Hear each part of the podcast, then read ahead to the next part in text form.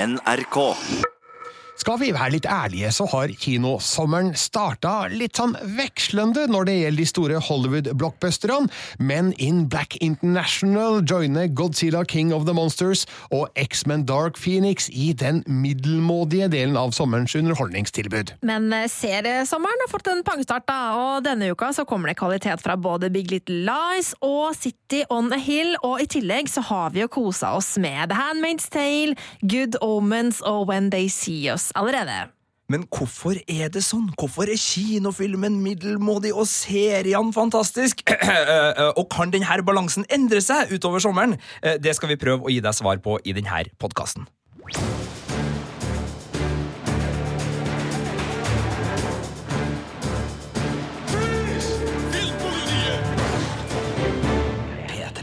Her i studio, Birger Vestmold. Marte Hedenstad! Og Sigurd Vik. Og vi skal starte med den premierefilmen som jeg tror flest har gleda seg til, og som jeg tror flest kommer til å bli litt sånn småskuffa over, nemlig Men in Black International.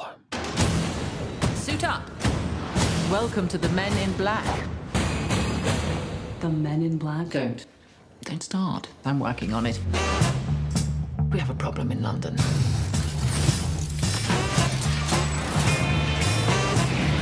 H&M. Welcome to MIB.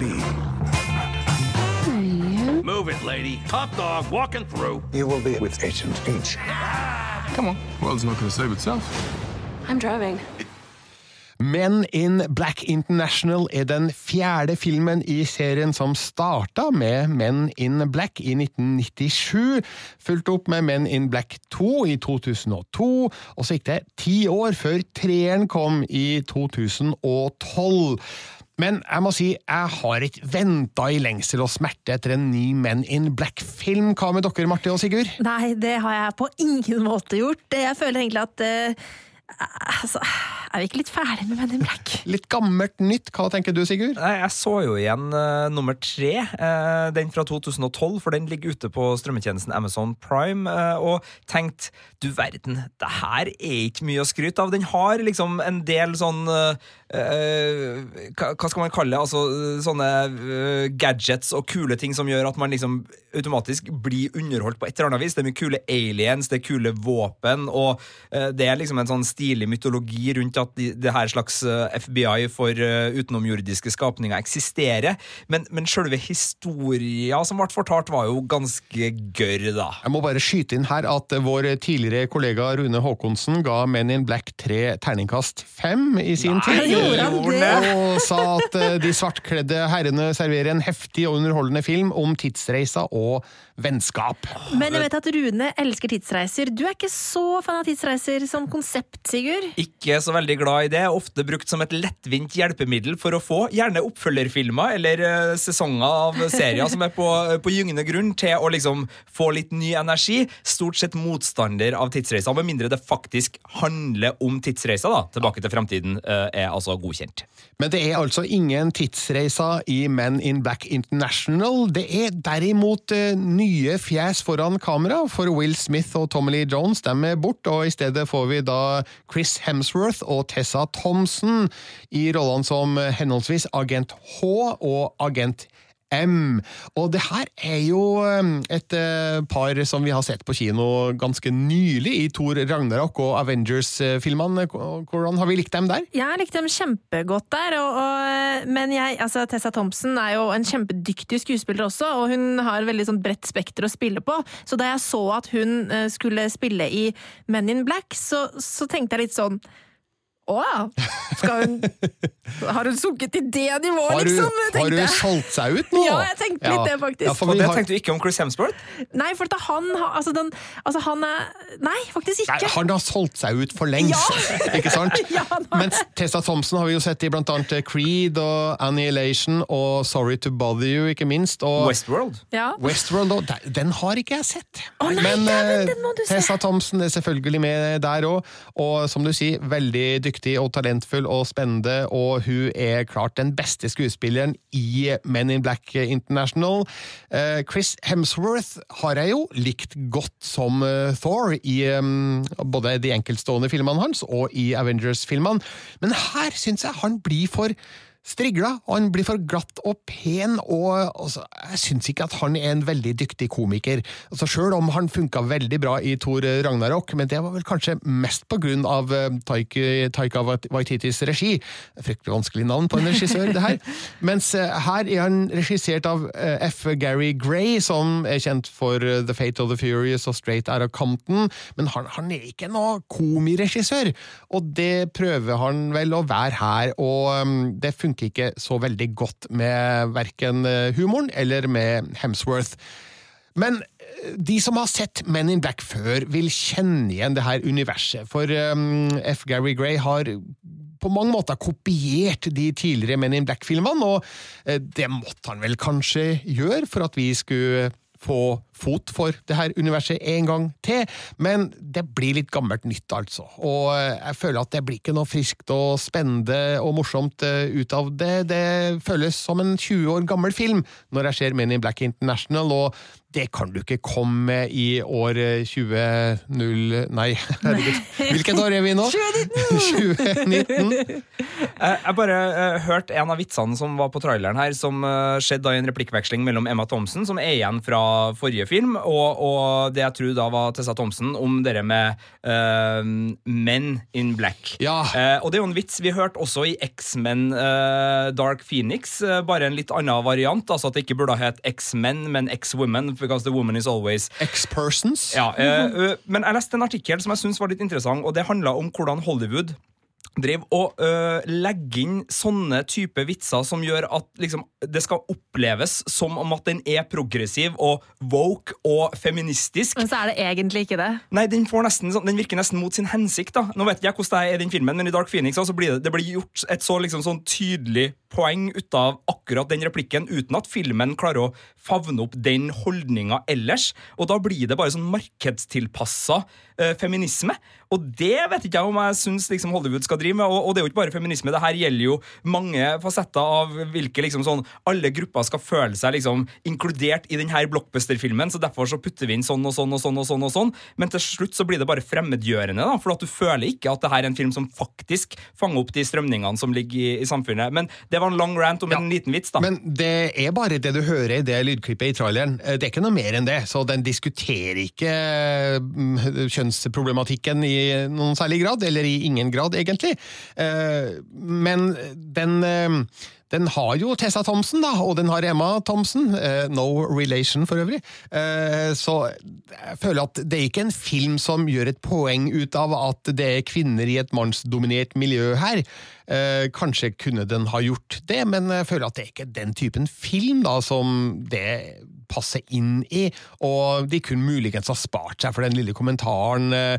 jeg føler også at det virker litt sånn mot sin eh, hensikt, for her er kvinnerollene sterke, og de er dominerende i dette miljøet. og eh, Hvis man da får inn en sånn kommentar, så blir man egentlig bare påminna om at eh, ja, kvinner som regel stiller under menn eh, i en- den typen underholdningsfilm. da.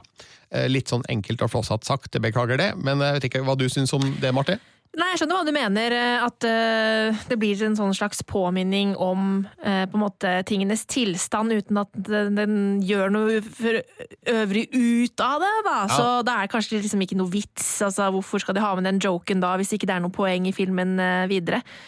Det filmen handler om, da, det er jo at eh, de tidligere filmene har jo foregått i USA. Nå utvider de eh, feltet sitt til store deler av eh, Europa, og handlinga foregår i både London og Paris og Milano. De er en tur til Marrakech eh, i Nord-Afrika også, eh, og eh, selvfølgelig innom New York, det må man jo. Men det er da agent M, spilt av Tessa Thompson, som drømmer om å jobbe med Men in Black, men de er ikke så enkle å finne. Så i starten av filmen så ser vi hvordan hun prøver å finne ut hvor Men in Black egentlig holder til hen, og hvordan hun skal greie å komme seg inn i en veldig hemmelig organisasjon. Eh, Det kommer kanskje ikke som noe stort sjokk at hun på en måte greier det, for det har jo traileren allerede avslørt eh, i fullt monn. Og hun blir etter hvert satt sammen med agent H, spilt av Chris Hemsworth, da, i eh, London. For der har agent Nei, der har Men in Black et kontor, selvfølgelig.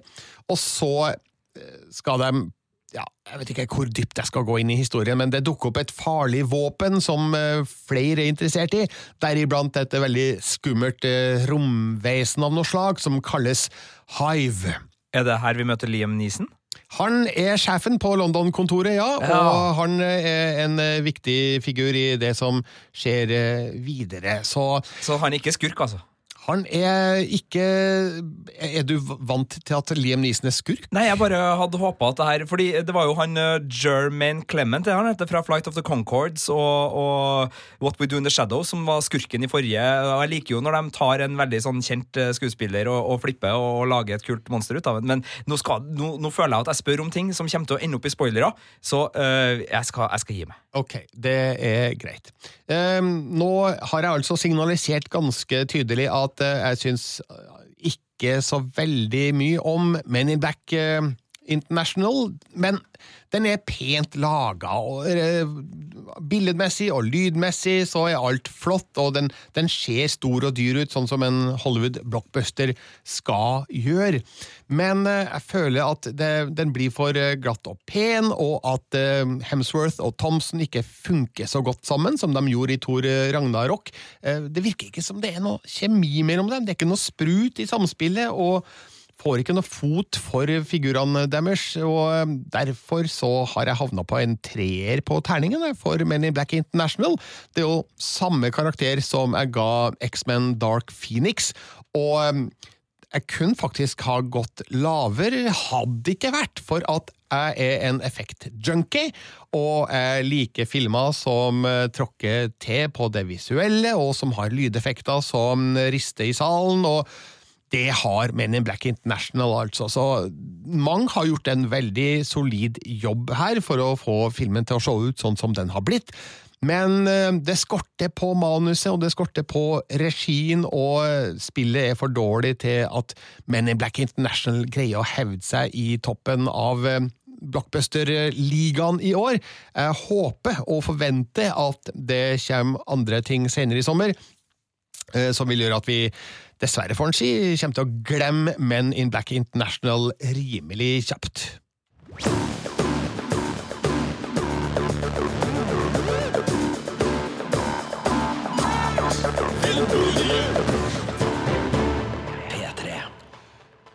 Men eh, så langt så har det vært litt slapt på blockbuster-fronten, eh, altså. Hvilke filmer har vi egentlig vært eh, mest skuffa over, Marte og Sigurd? Altså, jeg gleda meg jo til eh, Dark Phoenix og var skikkelig sånn gira på å se den. Eh, så har jeg da ikke sett den, fordi at den fikk så dårlig karakter. Så jeg er på en måte skuffa uten å ha sett den. Ja, og den, det er jo ikke bare Birger sin, sin terningkast tre, den har jo fått eh, Jevnt jevnt, over over, dårlig, ja. eh, middelmådig. Men uh, Godzilla uh, 2, hvis vi kan kalle den det, eller egentlig 3, for de har jo laga et Monsterverse av der både Kong-filmen, altså Kong Skull Island, og den forrige Godzilla-filmen er, og så var det da Godzilla King of the Monsters som hadde premiere litt eh, tidligere i, i sommer. Uh, treer på terningen. en effektfest, men uh, som mangler både hjerte og, og hjerne, da, og sammenligna med originalfilmen, litt tafatt.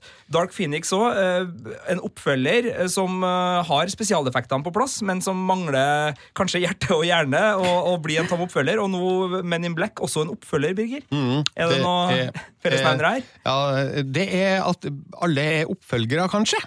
Eh, Når det gjelder Godzilla King of the Monsters, så har den faktisk tjent inn ca. 300 millioner dollar på verdensbasis, så, så den har tjent inn en, en del penger, da. Og nå vet ikke jeg hva den hadde i budsjett og 200. markedsføringsbudsjett. Ja, okay. Ja, 200 i rent budsjett, da, så, Ja. så pluss markedsføring, så blir det sikkert Så- eh, ikke sånn veldig pluss. Det er men- ikke break-even eh, enda, i hvert fall, og Dark Phoenix eh, ser jo ut til å bli en skikkelig flopp. Den har tjent inn 142 millioner dollar akkurat på nåværende tidspunkt, på verdensbasis, og den kosta jo også 200 å produsere, og med markedsføringsbudsjettet på toppen av der, så de skal slite med å tjene penger på den, og det ryktes vel også at eh, den, den kommer til å tape ca. 100 millioner dollar, og det er store penger i, i Hollywood. Eh, Den filmen som har dominert på blockbuster-fronten i år, og på alle andre fronter, er jo Avengers Endgame, som eh, Den kom vel litt for tidlig til at vi kan ta den med i sommerblockbuster-gjengen, men eh, den har like fullt eh, tjent inn Altså 2,7 milliarder dollar. Det er helt svimlende summer. Det er helt vanvittig. Det er så mye penger at uh, man kan nesten ikke ane hvor mye penger det er, og hvor mye folk som har sett den filmen. Uh, så den, den har på en måte Kanskje den på en måte har bare tatt luven av alle blockbusterne som kommer i kjølvannet, og skal liksom forsøke å nå like stort og bredt. Ja, jeg tenker Det er interessant, det der da, fordi eh, det er to gigantfilmer eh, i blockbusterland som ikke har sommerpremiere i år. Det er Avengers Endgame, og det er den siste Star Wars-filmen som kommer nærmere jul. Og Det betyr jo at øh, blockbusterne på sommeren blir litt sånn, kall B-blockbusterne, da, fordi de to som begge liksom er avslutninger på store sagaer, og som har det, det de største budsjettene og de største stjernene, gjør at det er litt sånn spinkelt. altså Senere i sommer også, kommer jo Spiderman Far From Home og uh, Fast and Furious-oppfølger og sånn. men og det er, så det er litt... kommer jo Løvenes konge, Jo, jo, da. eh, vi holder Aladdin Ja. og Løvenes konge litt på sida, for det er litt mer familiefilmer. Men eh, i de der effektblockbusterne, Ja. hvis vi, vi holder oss av dem, eh, så, så er det jo litt sånn dårlige arbeidsvilkår på sommerstid. Og da tenker jeg, da må man tilbake til kjerneverdiene for blockbusteren for å, å lykkes. da, Og det er jo eh, humor og spesialeffekter og originalitet. Og det er jo tre ting som mangler i bøtta og spann på de filmene vi har fått så langt. Vi har fått ganske sånn trauste mastodonter av effektfilmer som ikke har klart å sprudle. Så jeg syns jo de har eh, Ja, det, er- det feilslått, rett og slett, hva- det som skjer på kino nå. Hva har skjedd der, eh, Birger? Fordi back in the day så, altså, Sommeren var jo blockbuster-tid, men Ja. nå så ser man jo at det er mai, så pleier det å komme blockbustere, eh, og så er det i jula eller i november-desember. Og så skal det jo liksom være blockbustere på sommeren også, men det er som du sier egentlig, eh, Sigurd, med, med noen få unntak, så er det liksom B-blockbusterne. Har det vært en vridning her fordi sommeren har alltid vært eh, den store kinotida i USA? For der stikker man inn i eh, airconditioning-kalde kinosaler for å slippe unna sommervarmen, mens i resten av verden så har man ikke hatt den kulturen i like stor grad. Altså, vi har jo fått det litt eh, de siste 20 åra fordi Hollywood spyr ut eh, storfilmene sine da, men eh, vi er kanskje ikke like gira på å gå så mye på kino på sommeren. Da skal vi ut og nyte varme sommerkvelder i stedet for. Eh, Jeg vet ikke om det gjelder i alle andre land, selvfølgelig, men det kan jo bidra til at eh, Hollywood spesielt har sett på andre tidspunkter for å slippe filmene sine på. Og så har det jo vært veldig stor konkurranse på sommerstid med en blockbuster i uka omtrent, og de slår hverandre i hjel. og noen har kanskje tenkt at eh, her lønner det seg å komme litt i forkant. Eh, sånn som altså Avengers Endgame, eh, når var det den hadde premiere? Slutt av april? 26. Det var faktisk jeg. april, ja. Slutt av Mm. april, ja. Eh, som, som gir filmen en mye lengre eh, spilletidmulighet da, enn hvis den hadde hatt premiere i midten av juli, for eksempel. Så eh, jeg har ikke noen gode, klare svar på det, men det kan jo være medvirkende årsaker da, til at uh, sommeren ikke er helt det den var på blockbuster-fronten. Eh, Og så er det jo selvfølgelig mange som sitter og hører på nå, som skriker liksom Hva med John Wick, hva med Aladdin, hva med Rocketman? Jo da, det er dem, vi, vi vet om dem, men nå snakker vi om den der eh, klassiske blockbusteren som er da ikke har høy aldersgrense. eh, fordi John Wick har jo 15 års aldersgrense, og bare der så, så skiller den seg ut. Resten har jo 12 eh, av de vi snakker om her. Eh, og, og musikaler som da Aladdin og, og Rocketman er jo også litt på, på siden. Det er snevrer inn men det, publikummet. ja, men det er klart, det er jo store sommerfilmer, alle de tre der også. John Wick kanskje ikke så stor i bred appell, men en kritikerfavoritt, og absolutt en actionfavoritt for dem som er glad i den slags. Da har tjent, da har lista foran meg, den har faktisk da tjent 256 millioner dollar på verdensbasis, og det er mye penger for en mye. eh, sånn type film. Og den eh, var det jo ikke noe tvil om at eh, filmpolitiet applauderte eh, hele veien til Keanu Reeves sin ja, Hele veien til en femmer, så gå og se John Wick Chapter 3 Parabellum. Men de filmene som har gått best i år, så langt, da, det er jo, som vi var inne på, Avengers Endgame på 2,7 milliarder. Captain Marvel den har tjent inn 1,1 milliarder, og nå snakker vi dollar, altså, så Ja. gang det med 9 eller 10 eller hva kursen er i nå. Um, også på tredjeplass så har vi da den der kinesiske sci-fi-filmen som er sluppet på Netflix nå, som da har den engelske tittelen The Wandering Earth. Den har jeg ikke sett! Den har tjent inn 700 millioner dollar, eh, sikkert da hovedsakelig i Kina, vil jeg anta. Og så på fjerdeplass Aladdin med 615 millioner dollar, og på femte Dragetreneren 3 med 519 millioner dollar. Så det er fremdeles filmer der ute som tjener penger, det er jo ikke noe tvil om det. Men eh, det er jo likevel et faktum at eh, vi, vi, vi føler i hvert fall at de klassiske blockbusterne eh, har skuffa til en viss grad da så langt i sommer. Så skal vi komme nærmere tilbake til hva vi eventuelt, forhåpentligvis, kanskje kan glede oss til på kinofronten i løpet av sommeren. Men først skal vi innom fjernsynsapparatet.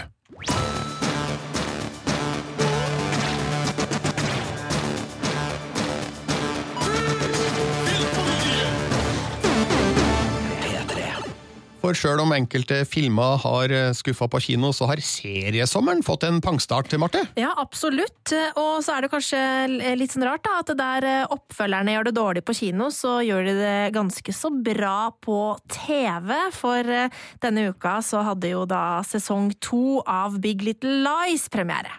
You don't believe my son just slipped.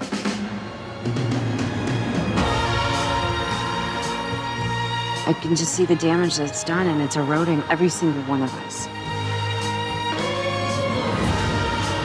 My son is dead, and I want answers. I gave you answers. Yes, but you left some things out, didn't you? You were planning to leave him. And you learned of his infidelity just 10 seconds before he died.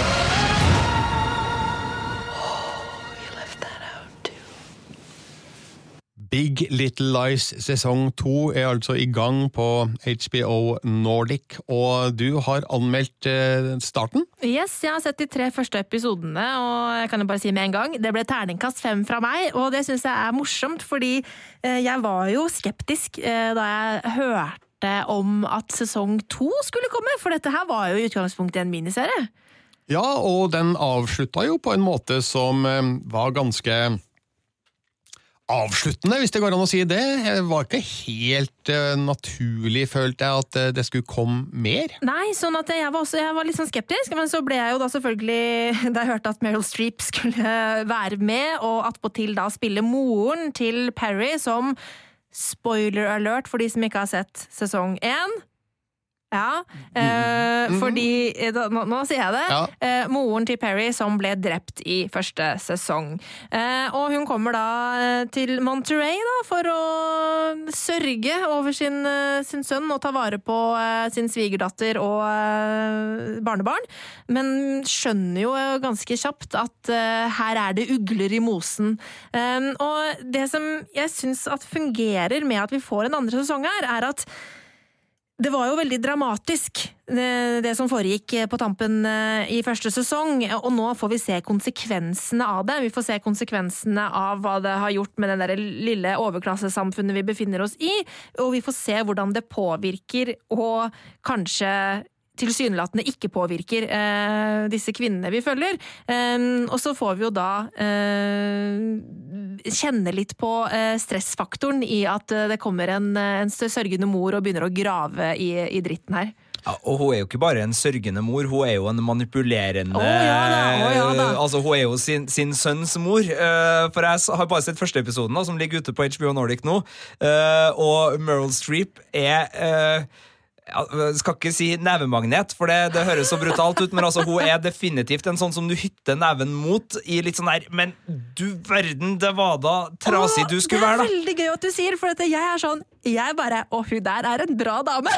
Å nei, nei, nei, nei, nei. Moralsk helt forkastelig. Altså, øh, helt på linje med sin sønn, føler jeg. Altså, hun har Nei, oppdratt det monsteret. Ja, ja, Ja, nei, okay, Men du har sett ikke- mer enn meg. Men Ja. altså, ut fra den første episoden For jeg har jo sett tre Ja, ja. episoder. Jeg har også sett, sett den første episoden, og Ja. jeg tenker jo at uh man har jo sympati med figuren hennes når hun kommer inn, for hun har jo mista sønnen sin. og Hun er muligens ikke klar over hvilke tilbøyeligheter sønnen hennes hadde, og hva slags eh, mann han egentlig var rent privat. Ja, og eh, det er det som jeg syns er veldig bra med Meryl Streep sin rollefigur her. Fordi at eh, ja, hun er jo en som snakker rett fra levra. Eh, Ja, og eh, kamuflere og ja, men- manipulere. Ja, hun, ja, men altså, hun, hun sier ting Når hun misliker noe, så sier hun det rett ut. Eh, um, sånn at I utgangspunktet så syns jeg hun virker som en veldig eh, bra dame som ikke er redd for å si hva hun mener.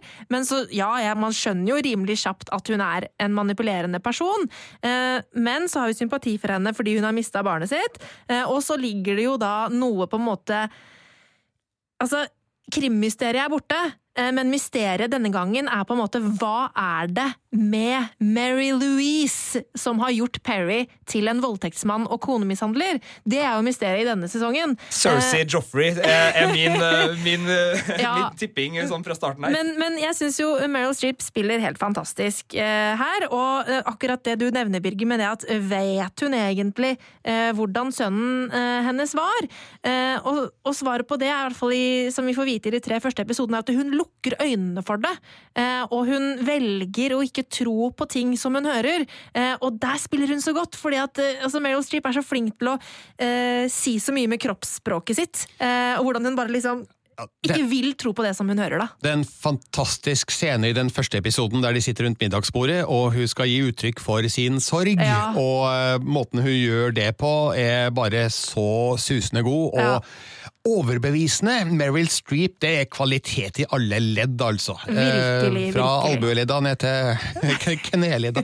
Nei, men, men, eh, men eh, hun, hun er grunn god nok i seg sjøl til å gi sesong to en sjanse, tenker jeg da. Ja, helt enig. Og det er på en måte hun som egentlig er sesongens hovedperson, egentlig. For det er hun som på en måte holder eh, koll på alle de forskjellige eh, folka. Altså, eh, disse kvinnene blir jo kalt for The Monterey Five nå. Altså de damene som var der den kvelden han fyren daua.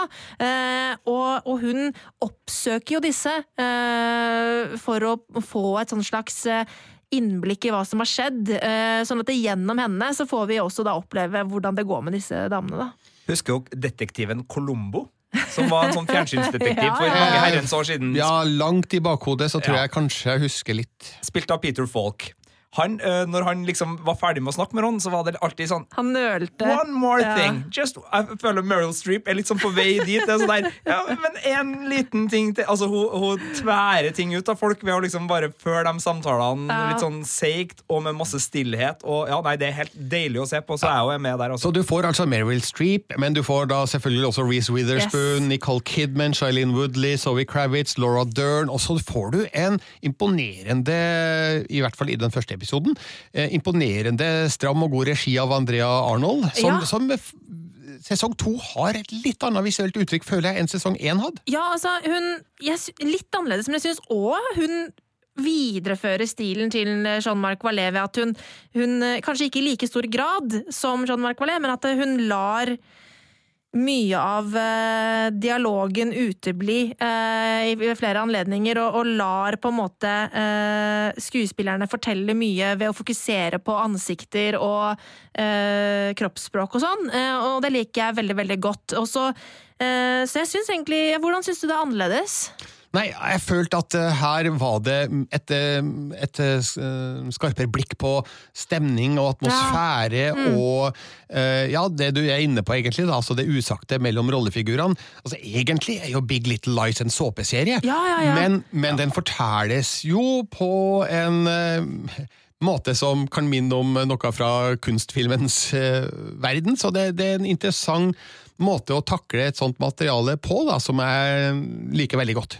Og Jeg må bare si, jeg så et intervju med Meryl Streep som snakka om serien og hvorfor hun likte sesong én. Og da er det jo det hun trekker fram. Altså det, det er uh, ting som er kjent, men rollefigurene er så kvessa, så spissa Mm. og så, øh, så iøynefallende da, at, at den får kvaliteter gjennom de, de figurene. Og det har jo mye med hvordan de er gestalta. For jeg tror en del av dialogen spesielt, for det er jo uh, Hvis den har vært framført av lesser actors, så hadde det vært kleint, rett og slett. For den er, den er helt på grensa et par plasser. Eh, samtidig så har den noen, det er noen replikkvekslinger der som er sånn at du bare får total gåsehud. Eh, Vi har jo snakka om det her i tidligere, både på Filmpolitiet på radio og i podkast, Sigurd, i forbindelse med, med Big Little Lies den første sesongen. eh, Hvordan Jean-Marc Valais på en måte omgikk eh, manuset til David E. Kelly ved å på en måte bare droppe mye av det, og, og lot skuespillerne liksom bare holde kjeft isteden. Eh, og det, det kan nok ha kanskje litt med å gjøre at manuset ikke alltid var like bra,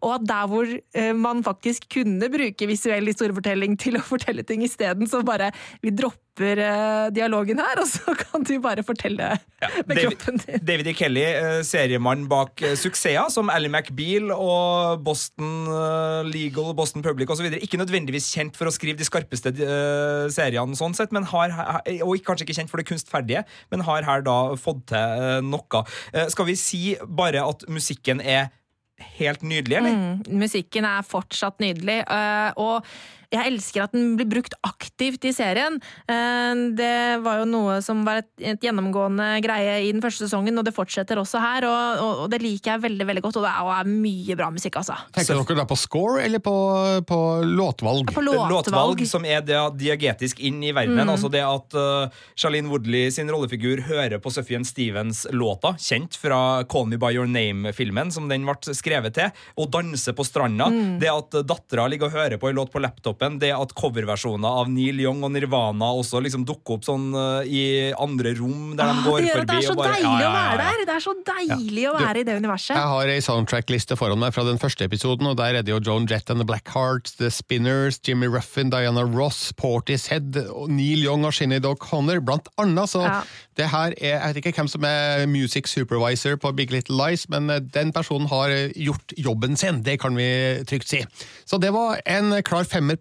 eh, eh, terningen for de tre første episodene. Mm. Det er bare én som ligger ut på HBO Nordic akkurat nå, så kommer det vel da en i uka fremover, vil jeg anta. Yes, det gjør det. Eh, Det er en annen serie som vi må snakke om, eh, og den er det du som har sett, Sigurd. Det er det. Da skal vi til Boston på 90-tallet. Løst basert på virkelige hendelser. Eh, Klekka ut i hodet til Ben Affleck og ført foran kamera av Kevin Bacon. Eh, Det her er City on a Hill.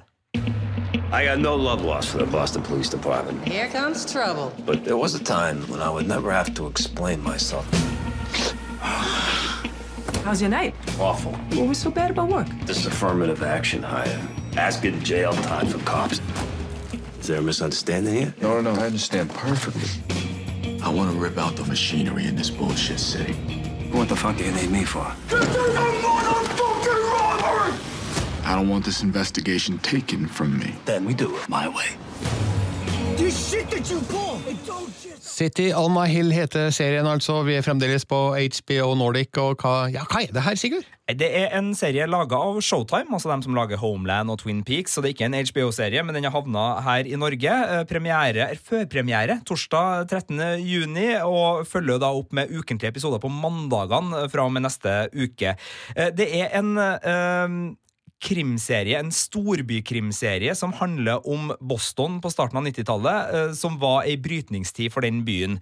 Da Det var det politivold, eh, det var rasisme, det var eh, ransmiljø i bydeler som var direkte brutal. Eh, Det var ulike religiøse ledere som i sine lokalsamfunn hadde sterk påvirkningskraft, både den katolske kirke og eh, mer eh, eh, også i de, svarte nabolagene, eh, de, de kirkene som var der. Og det var ganske mye da som, som skapte uro, og som skapte en slags, kall en underverden, da, der rettssystemet i byen rett og slett ikke fungerte, for det var vennetjenester og eh, korrupsjon og, og ja, eh, utpressing, rett og slett, som, som gjaldt for å få ting til å svinge. Og det her er da sånn som det var, og, og serien starter med å referere til en virkelig hendelse hvor en eh, mann drepte sin kone, sa til politiet det var en smart, svart mann som gjorde det. Eh, Politiet går det etter, finner en svart mann og, og arresterer han, men så uh, finner broren til morderen ut det her, og det ender opp med at morderen tar selvmord, og det avsløres da at politiet har uh, gått på den her profilerings... eh,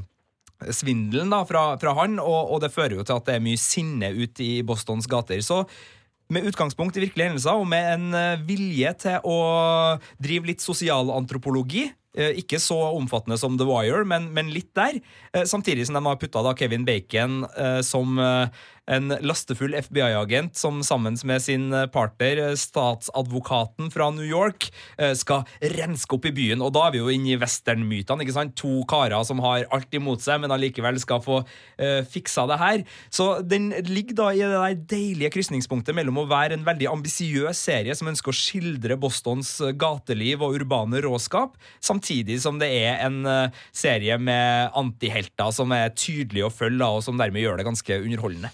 Eh, Kan du bare være så snill å gjenta for oss eh, hvilken overskrift du brukte på anmeldelsen av City on a Hill på p3.no Filmpolitiet? Jeg tenker du da på krimsnadder med bacon, eller passe sprø bacon? Ja, jeg tenker på begge to. Ja. Men eh, Kevin Bacon er jo en favoritt for mange. Vi har sett den i så mye fra, ja, altså Alt fra Footloose til Mystic River til JFK. Eh, jeg tror ikke jeg trenger å ramse opp så mye mer. Hvordan er han egentlig i denne serien? Han er nok en av de få skuespillerne som kunne ha fått det her til å fungere. Fordi rollefiguren han spiller, er så harry og så uh, karikert uh, i uttrykket. Altså Her snakker vi om en øh, person som blir filma mye i profil, med stor bart, solbriller, som patter på sigaretter og kommer ramlende ut av bula, ravende full på, på kveldstid, og sier så teite ting at uh, du hadde liksom ikke fått Trump til å nærme seg i det hele tatt hvis du hadde gitt den grab them by the pussy-løyve og carte blanche på den. Eh, Samtidig så henter han en menneskelighet og får fram ei myk side som gjør at han klarer å lande denne rollefiguren i en sånn her serieverden som det her. Så eh, det er eh, rett og slett en, en stor prestasjon av Bacon, for det er en balansekunst her som kunne så utrolig lett ha havna i eh, Horatio Kane-fella, for å si det med CSI Miami.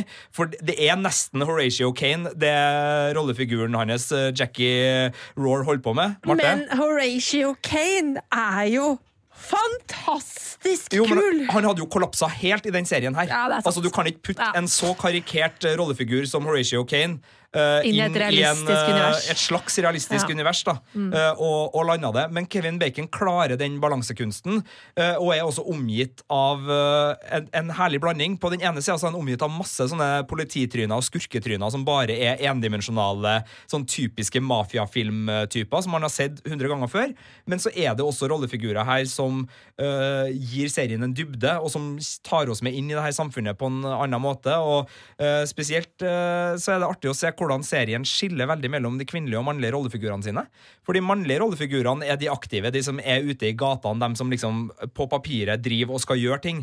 Men så er det gjennom de kvinnelige rollefigurene som stort sett er henvist til de hjemlige dramatikken, men det er der vi lærer mer om samfunnet, og det er der vi skjønner mer. Det er der vi blir dritprovosert på den katolske kirka, som fordi de er glad i patriarkiet, eh, er med å undertrykke gifte kvinner eh, ved å liksom legge skyld og ansvar overfor dem på det ektemennene deres gjør, og mer eller mindre nekter dem å bryte ut av ekteskapet, eh, og ser hvordan liksom samfunnsinstansene da, er med å opprettholde eh, det her eh, litt sånn lovløse Boston-samfunnet som da har fått utvikla seg over tid.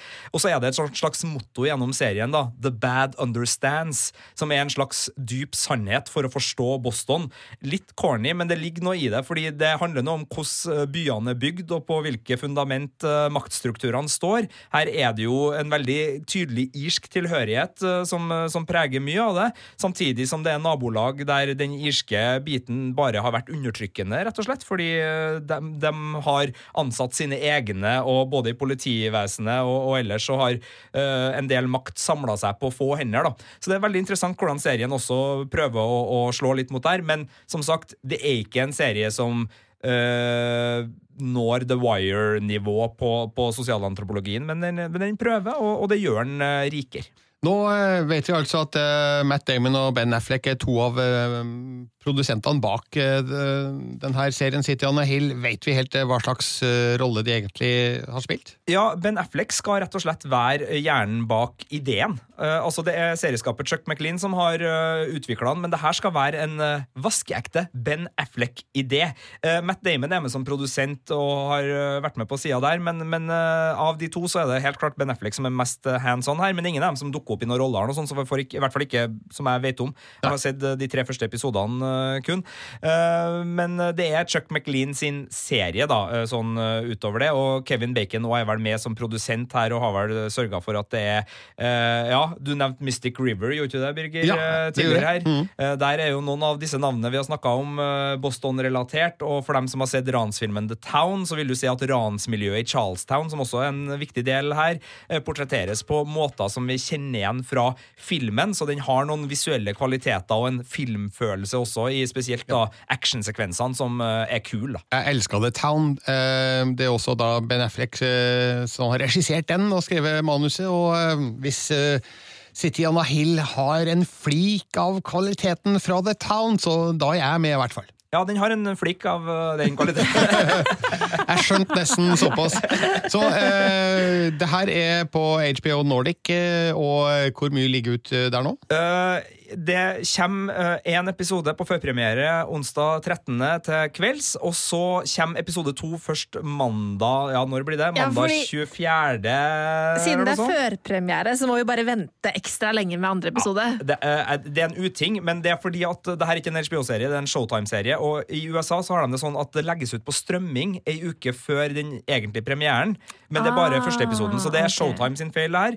Eh, Der ligger første episoden ute til strømming nå, eh, og så kommer andre episoden på lineær-TV. Sånn. Så det, det er jo litt det samme som NRK holder på med med Mm. heimebane og en del. Og sånt. De slipper dobbeltepisode kanskje først, og så må man vente litt ekstra lenge imellom. Og sånn. så Unnskyld meg, unnskyld meg. Slipp alt eller én og én. Fader, altså. Seriøst. Ja, men det forvirrer nå, for er det eh, altså eh, torsdag eller mandag som liksom er dagen man får en ny episode av City on a Hill? Det er mandag, men eh, den første episoden kommer på en torsdag. Så det, det eh, Kan man vente, kan man vente til etter sommerferien, og så binche alt, eh, kanskje? Man kan det, men samtidig eh, nå på, det her er fjerde året på rad HBO gir oss en fantastisk eh, krimserie om sommeren. Altså, Vi hadde The Night Off, som kom i 2016.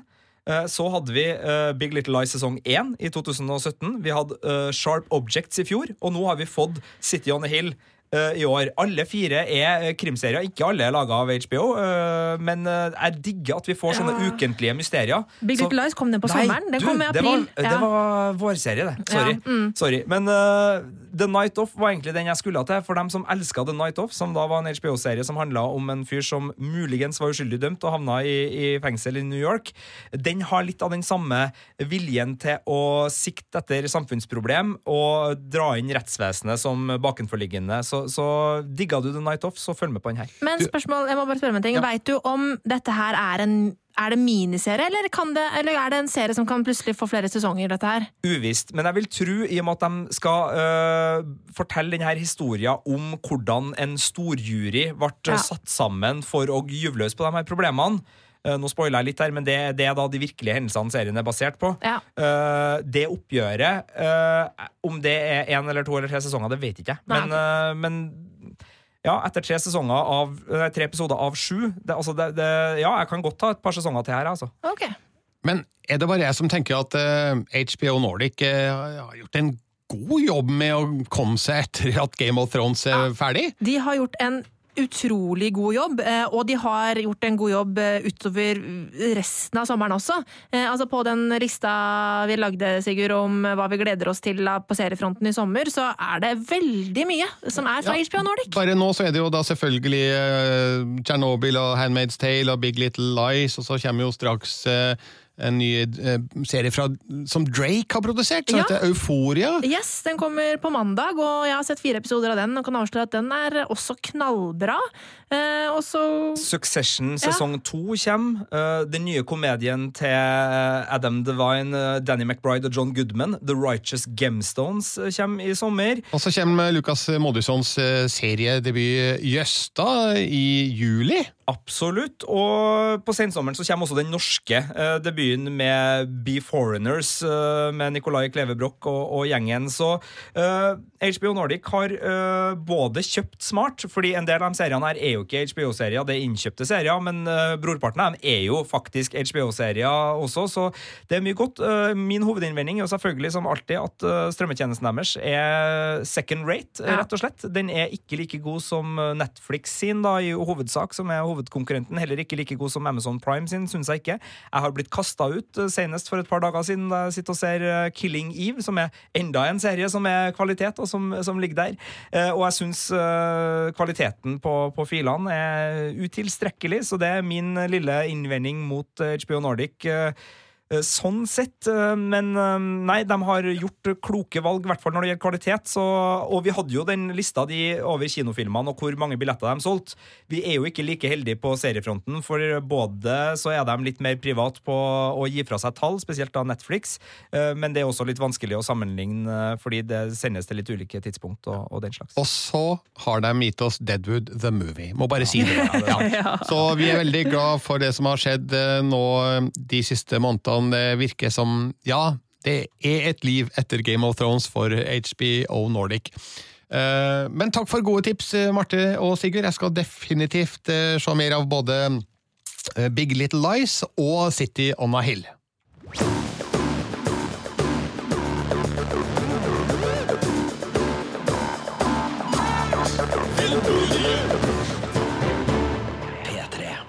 Til slutt i denne podkasten skal vi se litt fremover, og eh, hva kan vi egentlig vente oss av kinosommeren og seriesommeren 2019?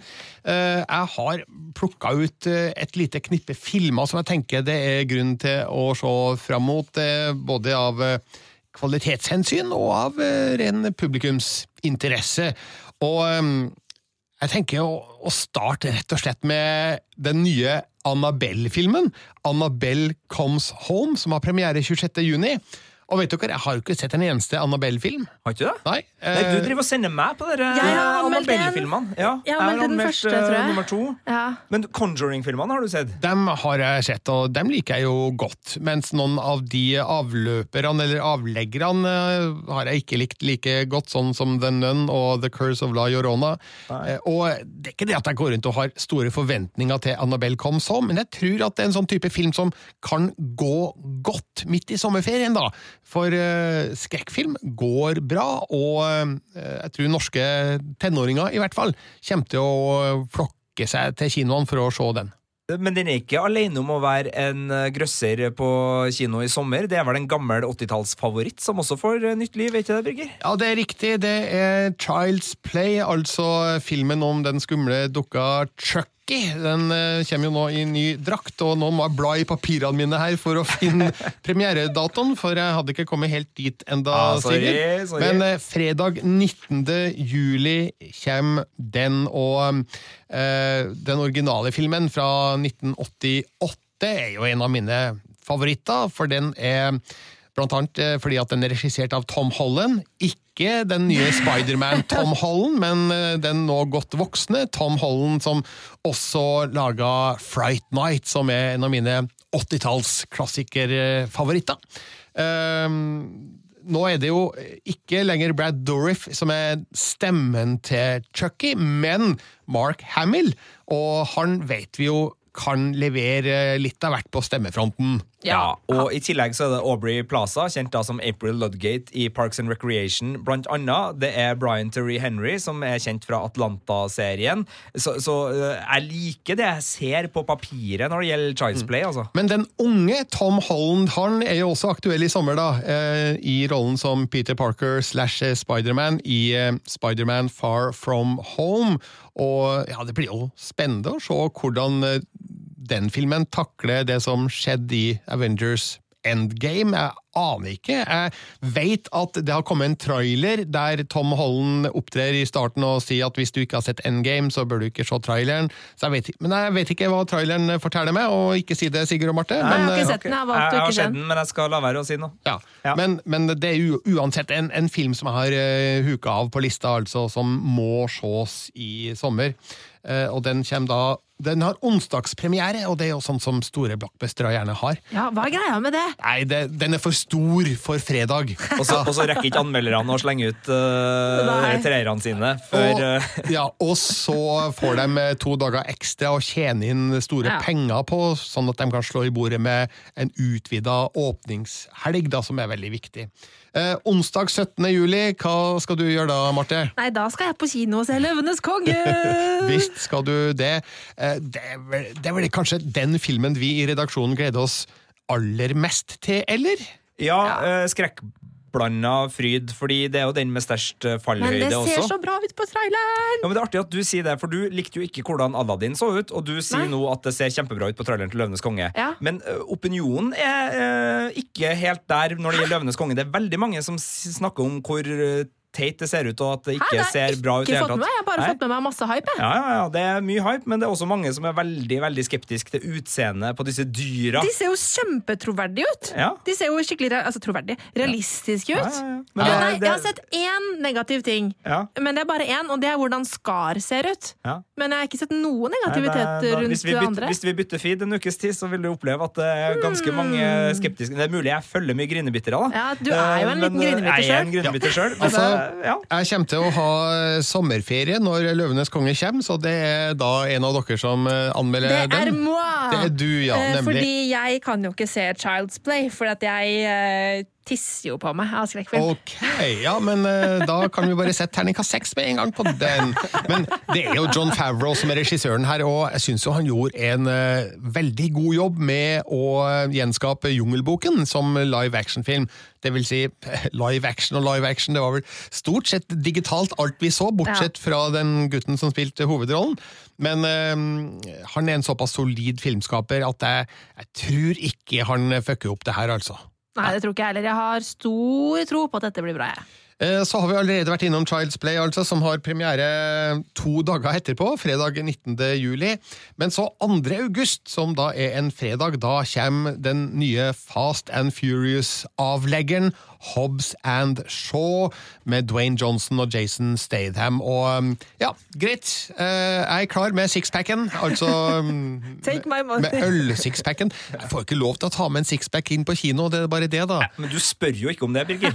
Nei, ok. Ja, altså, det er jo ingen som sjekker sekken din på kino. Nei. Jeg har sånn der veske væske eh, med sånn eh, vinplass til sånn eh, bag-in-box, Eh, og så er det litt lite sånn durt, sånn tapp, som jeg kan eh, liksom bare ta på utenpå vesken så eh, helle vin. Så da kan, jeg, da kan jeg ta med den, og så kan jeg helle vin oppi brusbegeret mitt. Det, det er mulig det her ikke er, er lov, altså, så vi oppfordrer ikke på noe som vis. jeg, Men jeg har ikke eh, sagt at jeg har gjort det, Nei. eller det har aldri Altså, Du kan si at det går an å drepe et menneske. Det går an å drepe et menneske, men om vi skal gjøre det, er noe annet. Nei. Og, This pod just took a dark turn. men det samme gjelder øl- eller alkoholkonsumering i en kinosal. Problemet er jo ølblæra, ikke sant? Eh, Hvis du har en film som nå varer i Ja, skal vi sjekke hvor lang Fast and Furious Hobson Show varer, da? Hvis de har lagt ut det. Det får jeg øyeblikkelig opp her. Eller du har det kanskje, Birger? Eh, det står ikke på den Nei, lista. Nei, er ja. Men si to timer, da. Hvis du tar den sixpacken eh, første halvtimen, så ja, det blir knapt Det er eh, derfor- Den sixpacken den første halvtimen! Altså, hvor fort er det du drikker? Ja, Like fort, fort som de kjører! altså, det er jo målet. Det er jo en racerfilm. Du, drikkeleik til Fast and Furious. eh, slurk ved hvert bilkrasj. Eller, ja, eller eh, ja, eh, masse ideer her nå som flyr rundt omkring. Men det er derfor det er så bra med hjemmekino, Sigurd og Marte. Jeg kan trykke pause når jeg vil, og bare gå på do og ja, komme tilbake. og men det er en helt annen diskusjon, egentlig. da. Eh, Men uh, Hobbs and Shaw kan jo helt sikkert bli en morsom film. Jeg liker jo Fast and Furious-filmene. Det er jo det er good shit. Det er, det er trashfilm som gir meg det jeg trenger av og til, og det er vrom vrom, ern ern og krasj krasj, og det regner med at Hobbs and Shaw er full av. Og det er Idris Elba. Det, Ja, han er også med. Han er også med, selvfølgelig. Du, jeg har to filmer igjen som jeg tenkte jeg kunne trekke frem. Eh, Vi er jo ute i august, men det er fremdeles sommerferie for mange. Og 9. august, da kommer Scary Stories to Tell in the Dark. Ny eh, grøsser, eller horror, eh, produsert av eh, Guillermo del Toro, men regissert av André Øvredal. Mannen bak eh, Trolljegeren, og han gjorde også suksess med The Autopsy of Jane Doe. Og eh, han er i ferd med å svinge seg oppover i systemet, for å si det sånn, og har fått mye kred og goodwill, og det at han nå jobber med Del Toro, av alle, det er jo et eh, kvalitetstrekk. Ah, det blir utrolig spennende å se hva de to har fått til. ass. Jeg gleder meg masse. Husker jeg helt feil hvis Andre Øvredal var en av de tre som drev og jobba på en Amundsen-film på et eller annet tidspunkt? Eh, du, han eh, var vel muligens en av de som drev på med det Ja, Uansett, jeg skulle egentlig bare si det er godt å se at han eh, har funnet sin, eh, sin plass, og at eh, det, det er veldig kult at han går så sjangerniftig til verks. Og det å jobbe sammen med Guillermo sitt deilige monsterhode oppi denne sjangeren, det kan jo være starten på noe, noe helt fantastisk. Ja. Så kjempespennende at André Øvredal har kommet seg dit, altså. Jeg nerda litt med André Øvredal i sted, fordi han har jo drevet på med to storprosjekter i Norge, og Amundsen ble det ikke noe av. Det var jo eh, en annen produksjon som fikk den støtta, men han eh, har jo også vært i en liten eh, skal vi kalle det fight om å lage film av, eh, om, om slaget ved Narvik under andre verdenskrig, og den fighten eh, vant han, og skal vel da lage i nærmeste framtid. Så- Med nazizombier? vi kan bare håpe! Uh, siste filmen som jeg tenkte jeg skulle trekke frem, det er den som har premiere 16. august, og som jeg så på filmfestivalen i Cannes nylig, nemlig Quentin Tarantinos Once Upon a Time in Hollywood. Uh, for en- enhver ny Tarantino-film er jo et event på kino.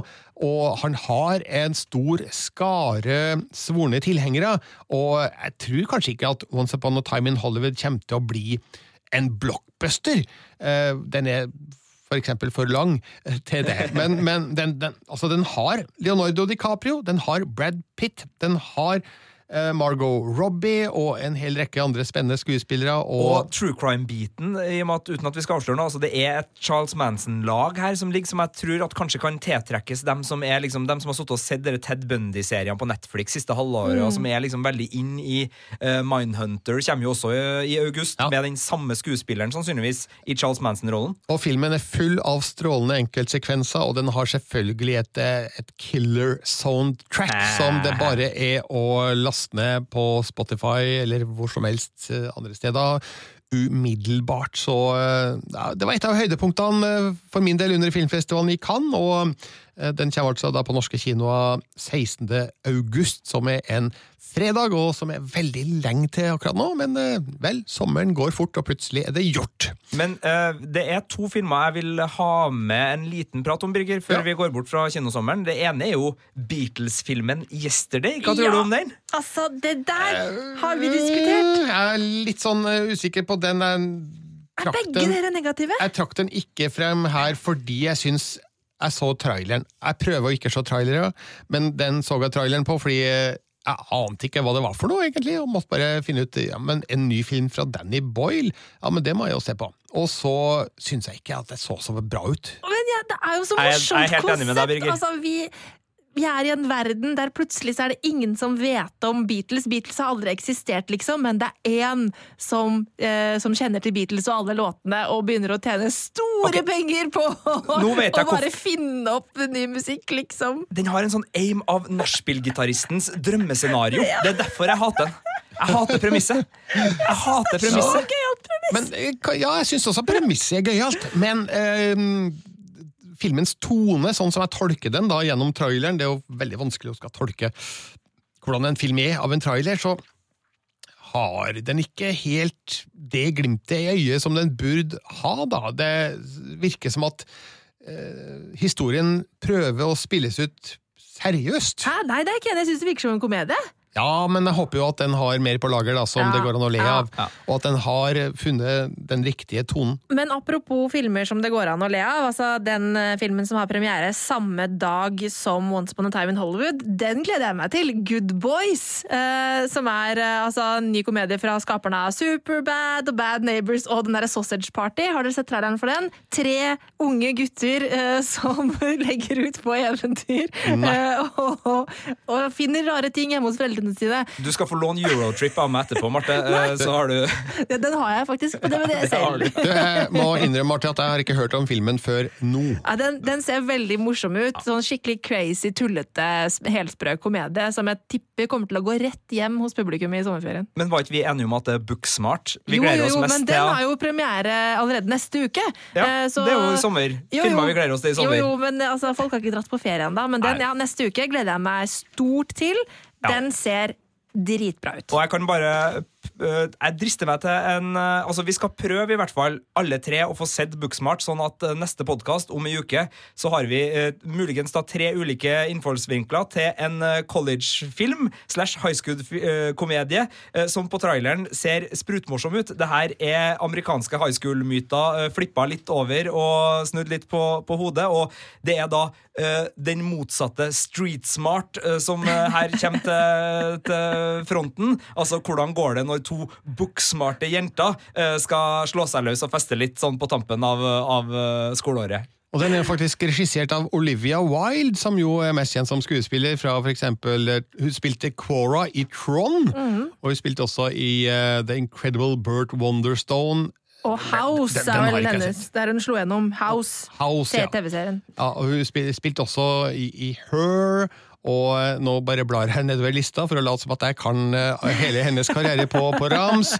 Nei, jeg tar ikke flere. Jo, Cowboys and Aliens spilte jeg i, og ja, det var vel det jeg tenkte å si om Olivia Wilde. Men, men, men filmen, Booksmart, den har jeg ikke registrert i det hele tatt. Jeg, jeg, jeg prøver jo å følge litt med og anmelde masse film, men akkurat Booksmart har jeg ikke Men det er fordi at du unngår å se trailer. vet du. Altså, Jeg er på YouTube veldig ofte, men jeg pleier å skru av halvveis i trailerne hvis de forteller for mye, men jeg liker å bare gå inn på YouTube og så bare liksom gå på trailere, og så bare se masse trailere. Og Jeg gjør det hele tiden. Jeg synes det er kjempegøy, for da, men så pleier jeg ofte å ja, skippe, da. Men jeg prøver å holde meg unna trailers for å kun stille til filmen med helt blanke Ja. ark. Og Det er derfor jeg liker å se første halvdel av traileren, hvor du på en måte får et lite innblikk i hva det handler om, men så skipper videre før den begynner å avsløre hele jævla handlingen. Ja, nemlig. Så vel, eh, det er et par dager igjen til vi skal se Booksmart på kino, så jeg skal prøve å holde meg og ikke se på traileren. Ja, ja, ja. Jeg tror jeg skal klare det godt. Eh, det var Var det flere filmer, Sigurd? Nei, eh, jeg synes bare altså, nå har Vi vi, altså, vi starta jo veldig negativt uh, denne podkasten med liksom sånn uh, middelmådige blockbustere. og sånn, så har vi, Nå har vi kommet oss opp på, på,